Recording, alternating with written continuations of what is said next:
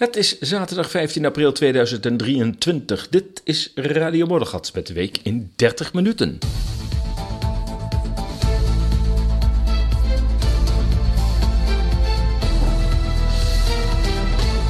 En in deze uitzending Scott Ritter, de opstandige Amerikaanse voormalige wapeninspecteur, ziet dat zijn land van niemand meer respect afdwingt. Zelfs niet van haar Europese vrienden. De volksraadpleging over de strenge klimaatplannen in Berlijn zijn mislukt en wel door een veel te lage opkomst. Ook trek in insecten eten. Hmm, de Universiteit van Wageningen doet onderzoek en wij voegen hoe het ervoor staat. En meer over gezondheid. Uit Roemenië komen alarmerende berichten over snelle toename van kankergevallen. En als laatste verhalen van de gewone Russen, dit keer ook de laatste aflevering. Scott Ritter, mm, misschien ken je hem. Uh, hij is, uh, als je eenmaal op Telegram uh, zit, niet meer weg te slaan. Hij wordt door iedereen die maar een videokanaal heeft, wordt hij gevraagd, geïnterviewd. Ehm, en ja, dat betekent dat, dat hij ook wel het nodige te vertellen heeft. Hij is inmiddels weer van Twitter verbannen. Jawel, onder het regime van uh, uh, koning uh, Abdul Musk. die heeft gezegd van, nou ja, blijkbaar heeft hij ook nog wat algoritmes in zijn linkerzak zitten die toch bepaalde dingen censureren. Dus die censuur is nog lang niet voorbij. je moet je zelfs afvragen of, of het in de handen van Musk wel überhaupt in goede handen is. De vraag is of ja, wie het ook, uh, wie het, het Twitter-domein of Facebook of wat dan ook in handen heeft. Of, uh, ja, of er überhaupt wel mensen zijn die de weerstand uh, bieden tegen, tegen de Amerikaanse overheid, de geheime diensten en de politieke druk om te censureren. Ik weet het niet. Goed, Scott Ritter. Niemand respecteert Amerika meer, zegt hij. Zijn woorden zijn controversieel, want Ritter volgt zijn eigen inzichten gebaseerd op jarenlange ervaring als wapeninspecteur in Irak en als US Marine. Veel Amerikaanse dan Ritter kun je het eigenlijk niet hebben. Zijn woorden over Oekraïne, Joe Biden, Donald Trump zijn authentiek en komen recht uit het hart van iemand die tot in zijn vezels van zijn land houdt. Hij vindt Joe Biden een schande voor de Verenigde Staten, maar Donald Trump een groot gevaar voor de democratie. Oekraïne acht hij de zoveelste misstap van de VS en ziet de NAVO als overbodig, want altijd uit op conflict. Zijn boodschap aan zijn landgenoten is: houd ons land bij elkaar, maak ons land weer gerespecteerd en bereid je voor op een voorlopige neergang van onze welvaart. Want, aldus Ritter, de wereld is op ons en onze machtige dollar uitgekeken. Een boodschap die ook in Brussel, Berlijn en Den Haag gehoord zou moeten worden. Op de grote Amerikaanse kanalen en kranten zul je Ritter niet vinden, ondanks zijn grote expertise. Want daarvoor is zijn uitleg, zijn visie van de actuele ontwikkelingen te veel afwijkend van het voorgeschreven narratief en de dromerij van realiteitsarme politici. politici even goed uitspreken. Het internet kent ontelbare onafhankelijke journalistieke kanalen. En tijdens de repressieve COVID-periode heeft de verstikkelde censuur een explosie van hun aantal niet kunnen verhinderen. Sterker, waarschijnlijk zelfs bevorderd. Scott Ritter heeft inmiddels in de wereld van de alternatieve kanalen naam gemaakt als analist van de oorlog in Oekraïne. Meermaals per dag zat hij in zijn studeerkamer in de buurt van New York achter de webcam voor het zoveelste interview, soms meerdere per dag. Hij houdt voordrachten in zalen en cafés waar het publiek aan zijn lippen hangt. Zijn woorden snijden veel Amerikanen door de ziel. Als, eh, ehm, maar Ritter neemt geen blad voor de mond. Oekraïne zag hij al vanaf het begin als een mission impossible. En dat waren geen loze woorden. Zo blijkt nu, als we de berichten mogen geloven, dat Bakhmut echt een stronghold, een belangrijke uh, verdedigingslinie van de Oekraïne, dat die zou zijn gevallen. Als expert op het gebied van wapensystemen zag hij het voor personele en wat, zag hij uh, dat, het, uh, dat Rusland een duidelijk personeel en materieel overwicht had, al vanaf het begin. Voor Ritter was dit een niet winbare oorlog. Niet Rusland is de schuld van deze oorlog, zegt hij. Wij, en hij bedoelt dan de Verenigde Staten, hebben Rusland in deze positie gebracht. Want hij zei letterlijk: Wij zeggen openlijk dat wij Rusland strategisch willen verslaan. De VS en de NAVO zijn een bedreiging voor Rusland. Einde citaat. De NAVO heeft niets te zoeken in Oekraïne, zo Ritter. De door de VS georganiseerde chaos van Maidan in 2014, de staatsgreep eh, destijds, want dat kun je het eigenlijk zo wel noemen. De regime change heet het wat verzachtend, maar dat komt op hetzelfde neer. Overigens ook nog een hele bloedige in dit geval. Moest de democratisch gekozen zittende president Viktor Yanukovych eh, verjagen. En dat lukte, weliswaar met veel bloedvergieten. Toen startte de oorlog pas. Of eigenlijk toen startte de oorlog, moet ik eigenlijk zeggen. Dus in 2014 is de oorlog begonnen. Dat is ook wat Rusland steeds zegt. Deze oorlog is niet in 2022 begonnen. Wij proberen een oorlog te beëindigen die in 2014 is begonnen tegen de Russen in het oosten van Oekraïne. Volgens Ritter wil Zelensky wat achter de hand hebben voor onderhandelingen. Zo wil hij van de Europese Unie de garanties dat de sancties gehandhaafd blijven om de wensen van Oekraïne bij de Russen te kunnen afdwingen. Citaat: Maar realiseert zich niet dat een onvoorwaardelijke overgang zo niet werkt, zegt Witter. Oekraïne heeft niets te willen. Het land en haar supporters uit de EU en de VS hebben hun hand overspeeld. Het Oekraïnse leger is zo goed als verslagen en de Oekraïnse samenleving staat op instorten. Citaat: Het is te hopen dat Rusland Zelensky helpt herinneren aan het principeakkoord van vorig jaar april, dat vorig jaar april op de tafel lag, maar door Boris Johnson werd geblokkeerd. Toen de schade aan dat land nog minimaal was. Einde citaat. Hierin bleef de Krim in dat voorstel Russisch en in het oosten werd alleen Donetsk en Luhansk zelfstandig dus niet Russisch grondgebied. Dat was het eerste voorstel van Rusland. Toen was Rusland al Oekraïne binnengevallen, maar toen was hun voorstel: wij zullen niets van het grondgebied claimen, maar we willen wel dat de mensen in Donetsk en Lugansk rustig kunnen slapen en niet gebombardeerd worden of geterroriseerd door rechtse milities uit het westen van Oekraïne. Maar ja, volgens Ritter is dat dus duidelijk een gepasseerd station. Ritter heeft in de VS een naam opgebouwd pro-Poetin te zijn. Hij heeft daar geen boodschap aan, zegt hij, en blijft zijn analyses geven zoals hij die ziet. Citaat: Wij geven Rusland van alles de schuld. Net zoals we Saddam Hussein de schuld gaven van het feit dat wij niet begrepen dat hij al ontwapend was van de massavernietigingswapens. En, ziet Ritter het ook met, en zo ziet Ritter het ook met Oekraïne gaan. Wij verwijten Rusland de oorlog te zijn begonnen, zegt hij, terwijl alle feiten erop wijzen dat wij deze oorlog zijn begonnen. En zeggen dat het Ruslands fout is om onze aas te pakken.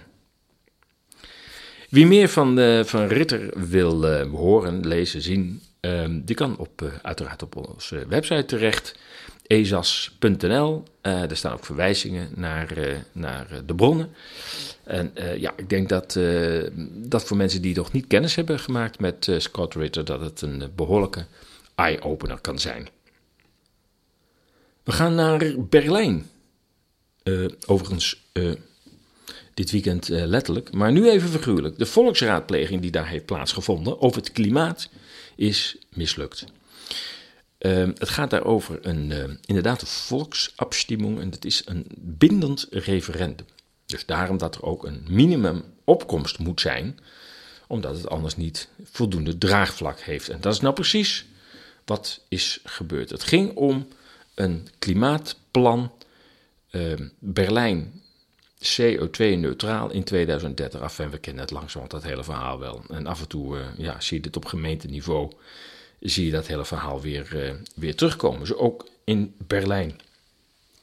Nou ja, de, de reactie was duidelijk. Uh, tranen bij de klimaatactivisten dat het zo was afgelopen. En eind maart was het dan eindelijk zover na een lange campagne een bindend referendum in de deelstaat, want dat is Berlijn, het is een stad, maar het is ook een deelstaat, over klimaatneutraliteit in 2030. Het vereiste quorum van ruim 600.000 ja-stemmen, dat was minimaal noodzakelijk, voor het plan Berlijn 2030 klimaatneutraal is dus lang niet gehaald. Klimaatactivisten likken hun wonden en denken na over vervolgacties.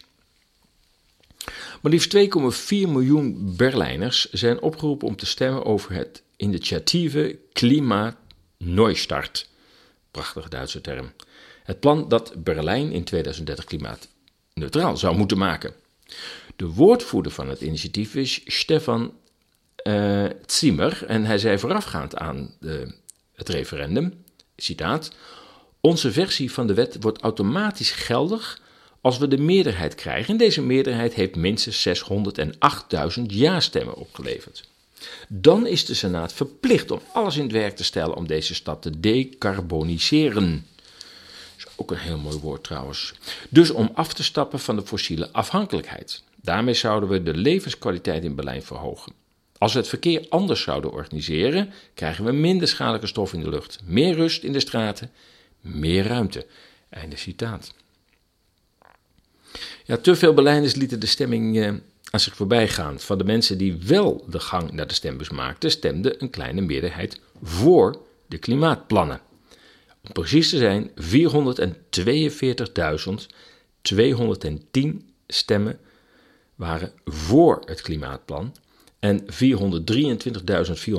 waren er tegen. Maar goed, om het plan erdoor te krijgen, want het is nogmaals een bindend referendum, waren 607.518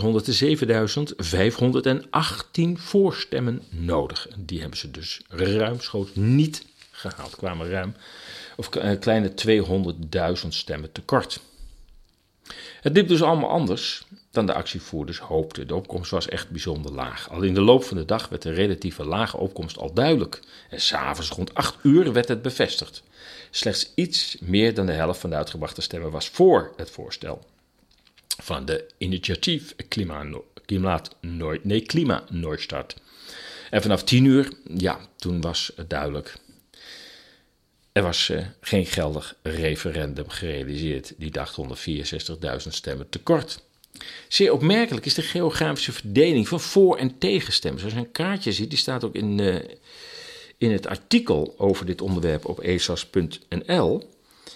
Um, zie je een, een hele heldere verdeling tussen voor- en tegenstemmers. Dat zie je over, ook met dan een totaal andere verdeling als het gaat om de politieke stemming. Dan zie je eigenlijk nog, dat wordt wel verwaterd een klein beetje, maar tot vier, vijf jaar geleden kon je nog exact de muur zien staan in de uitslagen van de verkiezingen.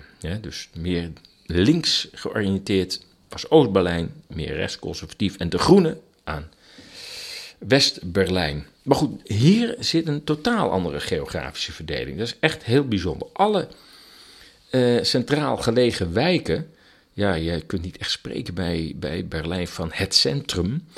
Maar ik noem het maar even centraal gelegen wijken, waaronder natuurlijk uh, uh, Mitte. die stemden zonder uitzondering in ruime meerderheid voor het klimaatplan.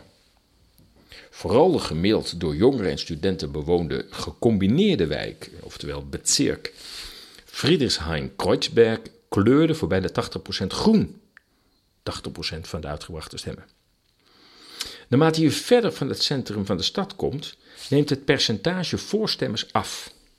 Het maakt erbij niet uit in welke windrichting. In alle richtingen lijkt bij een decentrale ligging de groene ambities verder af te nemen. Maar ja, daar verandert ook de bevolkingssamenstelling. Ehm, ehm, het eigen huisbezit is daar veel groter.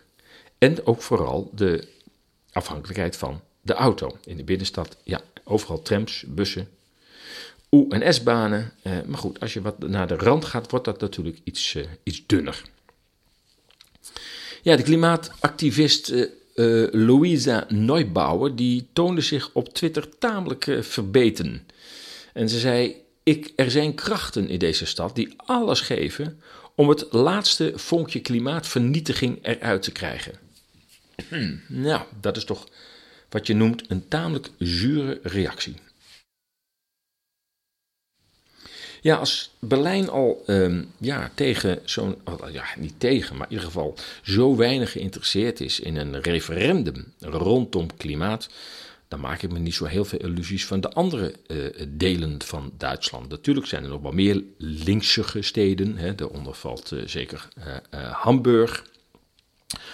Ehm, maar goed, ga je nou meer naar het platteland, en zeker het oostelijke deel van Duitsland, ja, dan geef ik deze plannen helemaal geen kans. Zeker niet omdat het oostelijke deel langzamerhand dicht gepleisterd is met, met zonnepanelenvelden en, uh, en windmolenparken. Dus dat, dat, die, die, die, mensen die daar wonen en ooit dat enorme uitzicht eh, hadden met een oneindige horizon, die zitten nu tegen windmolens aan te kijken. Of dachten een meer in de buurt te hebben, dan blijkt het zonnepanelen te zijn. Ik, ik heb een foto op Twitter gezet van het grootste zonnepanelenveld ja, van Europa of de wereld, geen idee, maar het is giga. Ja, en als je, als je, niet, als je niet goed kijkt, dan denk je van wat een groot meer is dat. Maar het is allemaal glas. Het is allemaal zonnepanelen. Dan kun je je voorstellen wat er gaat gebeuren als straks die zonnepaneeltjes een keer uitgerangeerd raken. Dan moet dat spul toch weer ergens naartoe. En is alles wel te recyclen. Ja, nu we het toch over eh, Berlijn hebben. Volgende week komt Radio Morgengat uit Berlijn. Ik heb daar ehm, tussen 2010 en 2020, toen het corona-gebeuren losbarstte, 2020, talrijke uh, groepen rondgeleid. Ja, de focus was dan gericht op burgerkracht, buurtprojecten en alternatieve collectieve woongemeenschappen. Um, en ik leidde daar ook professionele groepen rond. Hè. Dat waren aannemers, dat waren projectontwikkelaars, dat waren bouwondernemers, politici, bestuurders. Sorry, ik zit een kikkertje in mijn keel. Um, en ontzettend leuk uh, uh, om te doen. Ik heb daar niet uh, gewoond, maar ik was er wel heel erg vaak, moet ik zeggen. Um, nou ja, er kwam in 2020 dan een, een abrupt einde aan. Er was iets met een virus, waardoor je gewoon heel veel dingen niet meer, meer mocht. Nou ja, we hebben het overleefd. En ik, ik pak de draad weer, weer op. Dus ik ga weer rondleiding verzorgen. En um, ja, dat doe ik dan uh, volgend, volgend weekend. Dit weekend ben ik in Berlijn. En volgend weekend is de rondleiding vrijdag en zaterdag. En dit keer ligt het accent op de rol en positie van Berlijn tussen twee op haar inwerkende krachten, de Verenigde Staten en Rusland. Wat kun je in Berlijn terugvinden van die moeizame verhoudingen? Kruipt Berlijn terug naar haar Pruisische verleden? Welke sporen van Rusland en de Verenigde Staten zijn nog in Berlijn te vinden. Um, het is een kleine groep waarmee ik ga en dat vind ik ook heel leuk.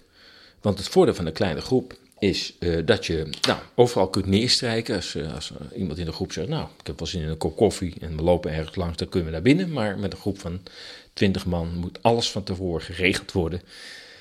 Ja, en als je dan nog niet bij het restaurant bent en niemand zegt ik heb trek in koffie, ja, ja, dan is het in ieder geval niet mogelijk om met z'n twintig ergens uh, op het terras neer te strijken. Want het moet wel een heel groot restaurant zijn. En heel belangrijk, die kleine groep is ook van belang, omdat je dan met elkaar in gesprek kunt gaan. Met andere woorden, ik wil daar niet de, zeg maar de, de, de wijsgeer uithangen. Ik heb een bepaalde kijk op de huidige ontwikkelingen. Ik denk dat mensen die meegaan, dat zijn, dat zijn mensen die uh, ESA's lezen of Radio Morgat luisteren, dan wel lid zijn zelfs van, van ESA's. Dus we zullen niet zo heel ver uit elkaar liggen, maar ik ben juist ook heel benieuwd naar ehm, de mening van de ander. En, en dat we met elkaar ook in gesprek kunnen gaan. En dat kan met een kleine groep. Met 20 man valt er niet zo heel veel met elkaar in gesprek te gaan. Het nadeel is zelfs dat als je als gids daar met zo'n groep op pad bent, dat nou, er altijd een deel is dat vooral met zichzelf in gesprek is en met de eigen uh, uh, vrienden of uh, kennissen in gesprek is en jou al helemaal niet meer hoort. Dus ik, ik, ik hou het heel erg klein. Overigens is dus de, de, ja, niet meer mogelijk om nog te boeken voor deze tour. Maar er is een nieuwe tourdatum gepland in september. Kijk even op de web, website. En ehm, ja, je kunt je er in principe al voor aanmelden, strikt genomen na 1 mei. Maar Eigenlijk staat het al open. Um, kijk even of je die datum uh, uh, kunt. Of je toch een keer van plan was om naar Berlijn te gaan. En daar leid ik je graag heel persoonlijk rond door dat fascinerende Berlijn. En ja, ondanks uh, de, de, de brute geschiedenis heeft het haar, uh, heeft het haar rol in, in de Europese geschiedenis en de Europese toekomst vooral absoluut niet verloren. En daar wil ik het graag, dat wil ik je graag laten zien als je met me meegaat. We gaan even lekker knabbelen. Lekker kostje eraan, gefrituurd. Insecten heb ik het natuurlijk over. Hè? De lekkere, lekker borrelnootjes. Weg ermee, weg met die pinda's en, uh, en die chocolaatjes. Gewoon bam. Een, uh, een meelworm naar binnen, een beetje frituur, een beetje, een beetje, een beetje. Nou, ik, uh, ik heb daar niet zoveel mee, eerlijk gezegd. En ik hoor dat heel veel mensen er niet zo heel veel mee, mee hebben. ik heb daar een artikel over geschreven op esas.nl. En ik heb ook meteen ehm, aan de Universiteit Wageningen gevraagd: doen jullie hier iets mee? En ja, hoe staat het ervoor? De EU staat in toenemende mate het gebruik van insecten in ons voedsel toe. Daarbij mogen ze in talrijke alledaagse voedingsmiddelen onzichtbaar worden verwerkt. Ik zag zelfs al dat Aldi al insecten snacks had. Nou, ja, nou, uh, ik zou zeggen, eet smakelijk. Denk daarbij onder meer aan brood, soepen, daar heb je het al, snacks, pasta's, pindakaas, chocoladeproducten en veel andere producten. Doch los van de vraag of deze vorm van voeding als smakelijk wordt gezien, is er nog de nodige discussie over de gezondheidsaspecten van deze in ons voedsel verwerkte insecten. Ik vroeg professor Dr. Ine van der Vels-Klerks van de Universiteit Wageningen, die met onderzoek naar, naar bezig is, naar de stand van zaken. Op de website van uh, de Unie staat in ieder geval het volgende. Ontwikkeling van nieuwe eiwitbronnen is noodzakelijk om te voldoen aan de toenemende vraag van de groeiende wereldbevolking. De traditionele vleesproductie legt een grote claim op ruimte en natuurlijke hulpbronnen. Alternatieve, duurzame eiwitbronnen zoals insecten kunnen bijdragen aan een oplossing. Wageningen University and Research onderzoekt de mogelijkheden van insecten in levensmiddelen en diervoeding. Einde citaat. Dat schrijft ze dus op de website van, de, van de Universiteit van Wageningen. Nou ja, in deze ooit als Landbouwuniversiteit bekendstaand opleidings- en onderzoeksinstituut is dat nu ten prooi gevallen aan de kapitalistische sprinkhanen die via een gekaapt wefkabinet de Unie heeft gekoppeld aan de mondiale World Economic Forum en de Food Hub die uh, in Wageningen komt. Ik vroeg dus uh, professor Dr. Ine van der Vels-Klerks van de, van de universiteit. Uh, ze is betrokken bij, bij toepassing van insecten in de voedselketen van dier en mens, hoe het mee staat. En zij zegt, ik citeer, in de basis zijn de insectensoorten die, we uh, die worden aangeboden op de markt veilig voor humane consumptie. Indien regulier voer, zoals kippenvoer, wordt gebruikt voor de kweek van insecten, ja, luister goed, hè, het, gaat dus niet om dat die kippen insecten eten. Nee, die insecten leven van dode kippen, kan blijkelijk. Het wordt steeds makkelijker. Ik ga verder met het citaat. Dan zijn er weinig twijfels over de veiligheid. Desondanks geldt voor insecten, voor humane voeding, dat er vanuit het voorsource-principe eerst een uitgebreid dossier betreffende de voedselveiligheid moet worden beoordeeld. Einde citaat. Volgens Van der Vels is er nog geen sprake van het direct opeten van insecten door de mens, al zou volgens Van der Vels nog natuurlijk wel duurzamer zijn als dat zou gebeuren. Maar er is volgens haar nog geen sprake van. Ja, ik, uh, ik heb er geen wedervraag uh, gesteld, want dat, dat is daar geen wedervraag, maar dat is gewoon vragen naar een ontkenning van wat ze net daarvoor had gezegd. Namelijk, er liggen al uh, insectensnacks liggen er al in de winkel. En ik, ja, ik weet niet helemaal zeker of alle koekjes die je nu in de rekken ziet, of die allemaal vrij zijn van insecten. Dus ik ben bang dat misschien binnen de universitaire wereld nog het de idee leeft van uh, uh, we zijn nog niet zover, maar ik heb het idee dat de markt al lang uh, zover is en de Europese Unie ook. Van der Vels Klerks stelt met het, het, volgende en daarmee ja, biedt ze een aantal geruststellende voorwaarden, althans het is moeilijk bekijkt. En ze zegt insecten die zijn bestemd om als levensmiddel te worden verkocht vallen onder de Novel Foods wetgeving. Nieuwe voeding. In tegenstelling tot de meeste andere producten in de supermarkt, die in principe zonder vooraf tussenkomst van autoriteiten op de markt mogen worden gebracht, moeten alle novel foods eerst een zeer uitgebreide evaluatie van de Europese Voedselveiligheidsautoriteit EFSA doorstaan. Ja, ik weet het niet hoor, maar dit zal wat mij betreft, uh, ja, tenminste dat denk ik, niet alle lezers uh, geruststellen. Steeds meer wordt duidelijk hoe de Europese autoriteiten niet alleen een oogje hebben dichtgeknepen bij de toelating van de COVID-vaccins, tussen aanhalingstekens, maar ook over welke belangen in Brussel hebben gespeeld die tot schimmige deals hebben geleid. De grote weerstand bij overheden en medische bedrijven om niet meer te ontkennen, om de niet meer te ontkennen talrijke en ernstige bijwerkingen van de COVID-mRNA-injecties te onderzoeken, wekt bij veel burgers wantrouwen over de oprechtheid van die overheden. In hoeverre zijn zij nog bij machten om veel grotere financiële en corporate krachten tegenspel te bieden? Hetzelfde geldt voor de media en de wetenschap. De macht van de grote corporaties, farmaceutisch of in dit geval food, wordt maar al te vaak ingezet tegen bureaucratische keuringsregels. Ja, dus um, het hele artikel is over veel langer, dus dat moet je maar even op de website uh, lezen. Maar um, ja, dat de Europese autoriteiten het goedkeuren, ik heb daar toch eerlijk gezegd na drie jaar COVID helemaal geen vertrouwen meer in. Even een slokje. Ja, dan uh, een heel serieus onderwerp. En sommigen zeggen ook, uh, er zitten uh, bepaalde stoffen in die insecten, in het skelet, dat kanker verwekt. Tja.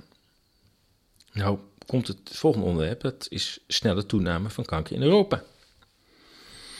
En er is een tekort aan medicatie voor de behandeling van kankerpatiënten. Het Roemeense tijdschrift Nationaal meldt dat er een groot tekort is aan het geneesmiddel Pazenier.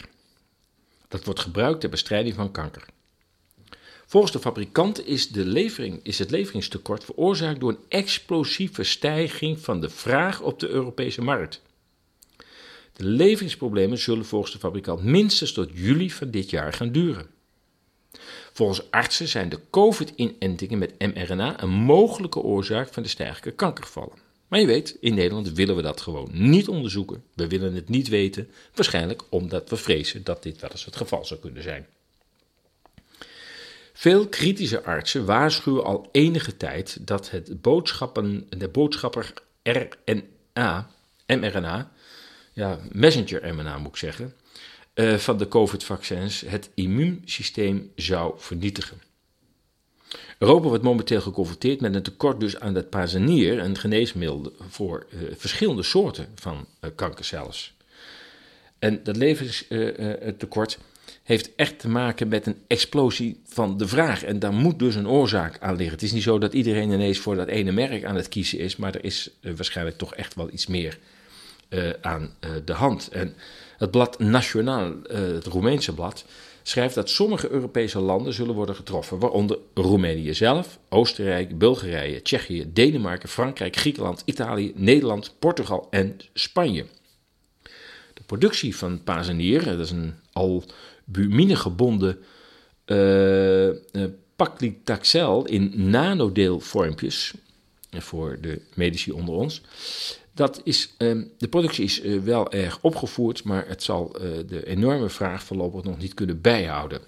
De leverancier, Teva uh, Pharmaceuticals, die zegt: Daarnaast werken we samen met de gezondheidsautoriteiten en supply chain medewerkers om te beoordelen hoe toewijzingen tussen de landen kunnen plaatsvinden. Met andere woorden, wie gaat er voor en wie moet achter in de rij? Het zal wel iets met geld te maken hebben.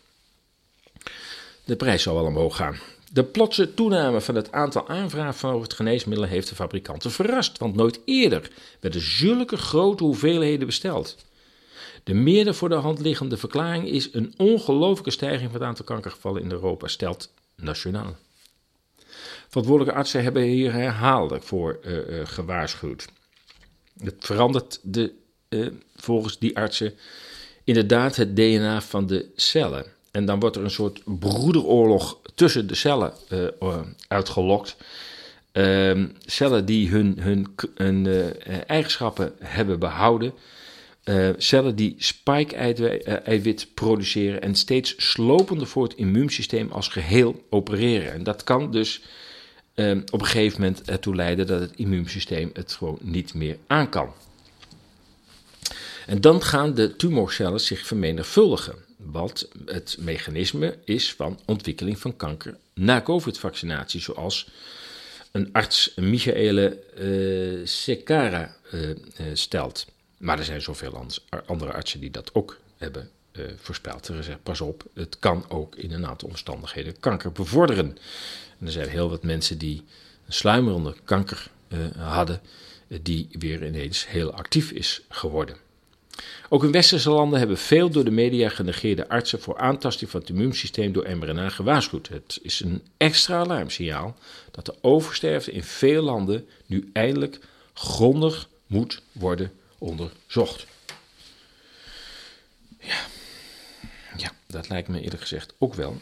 En toch gebeurt het maar mondjesmaat. Ik denk dat Duitsland, hoe gek het ook klinkt, misschien nog wel eens voorop gaat lopen daarmee. Het is toch een land waar het spel, aan beide kanten overigens, wat harder gespeeld wordt. Ja, uh, het half uur zit er alweer op. Tijd voor uh, ja, de allerlaatste aflevering van uh, de verhalen van de gewone Rus. En ik herhaal nog een keer de titel van het boek, dat kun je ook zelf bestellen. Uh, het is zeer de moeite waard. Het is ook uh, ja, zeer toegankelijk geschreven. Het is van Svetlana Alexievich. Alexievich, ja, als ik het goed uitspreek. Het heet in ieder geval Het einde van de rode mens. En met subtitel Leven op de puinhoop van de Sovjet-Unie. Ze heeft met dit boek de Nobelprijs voor de literatuur in 2015 uh, uh, gewonnen. En het wordt bij De Bezige Bij wordt het uitgegeven. Ik, uh, als je geïnteresseerd bent, het is een boek van, uh, eens even kijken, uh, bijna 500 pagina's, maar zeer de moeite waard. Dit laatste onderdeel gaat over kapitalisme. Onder het socialisme werd me beloofd dat er voor iedereen plaats was onder de zon. En nu beweren ze dat we moeten leven volgens Darwins wetten. Dan krijgen we overvloed. Overvloed voor de sterken. Maar ik hoor bij de zwakken. Ik ben geen knokster. Ik had een schema, ik was gewend volgens dat schema te leven: school, studie, gezin. Mijn man en ik spaarden voor een coöperatieve woning en na de woning zouden we voor een auto sparen. Dat schema hebben ze gebroken. We werden het kapitalisme ingeslingerd. Ik ben ingenieur, ik werkte in een urbanisme-instituut bijgenaamd het Vrouweninstituut, omdat er alleen vrouwen werken.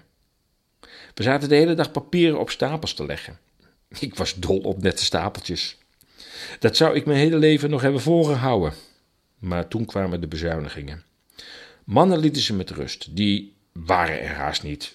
Alleenstaande moeders ook en mensen die nog maar twee jaar voor hun pensioen zaten. Gingen lijsten op en daar stond ik bij. Hoe moest ik verder leven? Ik was de kluts kwijt. Ik had niet geleerd volgens Darwin te leven. Ik had gehoopt dat ik werk in mijn vakgebied zou vinden en ik was een idealiste in die zin dat ik mijn plaats en waarde in het leven niet kende. Ik mis nog steeds de meisjes van mijn afdeling en ons geklets. Het werk kwam bij ons op de tweede plaats en het ging om onze omgang, onze intieme gesprekken. Een keer of drie per dag dronken we thee. Dat vertelde ik. Dat vertelde elk over zichzelf. We vieren alle, zondag, uh, alle feestdagen en alle verjaardagen. En nu ga ik naar het arbeidsbureau, zonder succes. Er zijn schilders en stukken door nodig. En een studievriendin van me is werkster bij een businesswoman en laat daar de hond uit. Een dienstmeid. In het begin huilde ze van vernedering. Nu is ze het gewend. Ik kan dat niet. Het boek gedicht. En daarmee ook. Uh, oh, rustig aan. En daarmee ook het einde van, de, van deze uitzending. Je luisterde naar De Week in 30 Minuten van Radio Moddergat van 15 april 2023. Volgende week komt de uitzending uit Berlijn, waar een groep zal rondleiden over de stad en haar positie in de strijd tussen Washington en Moskou. Als je deze uitzending hebt gewaardeerd, overweeg dan de donatie, een lidmaatschap van ESAS of aankoop van een van de magazines. Er zijn er nu vier uh, op de website met de beste artikelen van um, een betreffende half jaar. In dit geval het laatste magazine gaat over de beste artikelen uit de tweede helft van de tweede helft van 2022. ESAS kan niet zonder steun van donateurs en leden. Maak ons, groter bereik, maak ons bereik groter en deel deze podcast van Radio Moddergat op je social kanalen. Je kunt ESA's volgen via onze nieuwsbrief, RSS, en op de website wordt uitgelegd wat dat is, Telegram en Twitter. Tot volgende week voor de uitzending uit Berlijn. Ik wens je een goed weekend. Blijf waakzaam. Blijf sterk.